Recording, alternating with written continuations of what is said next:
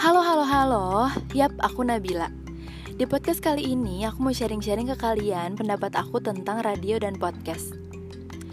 Oke, kalau disuruh pilih media apa yang lebih aku suka antara radio dan podcast Aku pribadi lebih milih podcast.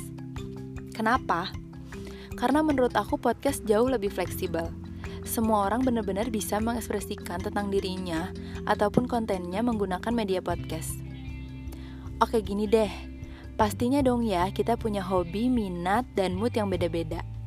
Nah, dengan menggunakan media podcast, kita bisa bebas nentuin apa yang lagi pengen kita dengerin sesuai mood kita saat itu. Kita juga bisa dengerin podcast di mana aja dan kapan aja semau kita. Karena itu aku lebih milih podcast. Kalau kalian sama kayak aku, yuk kita belajar jadi podcaster yang baik. Jangan takut untuk memulai sesuatu ya. Kita bisa sharing-sharing juga nanti. Oke segitu dulu aja podcast aku kali ini. Thank you so much buat yang udah dengerin. Bye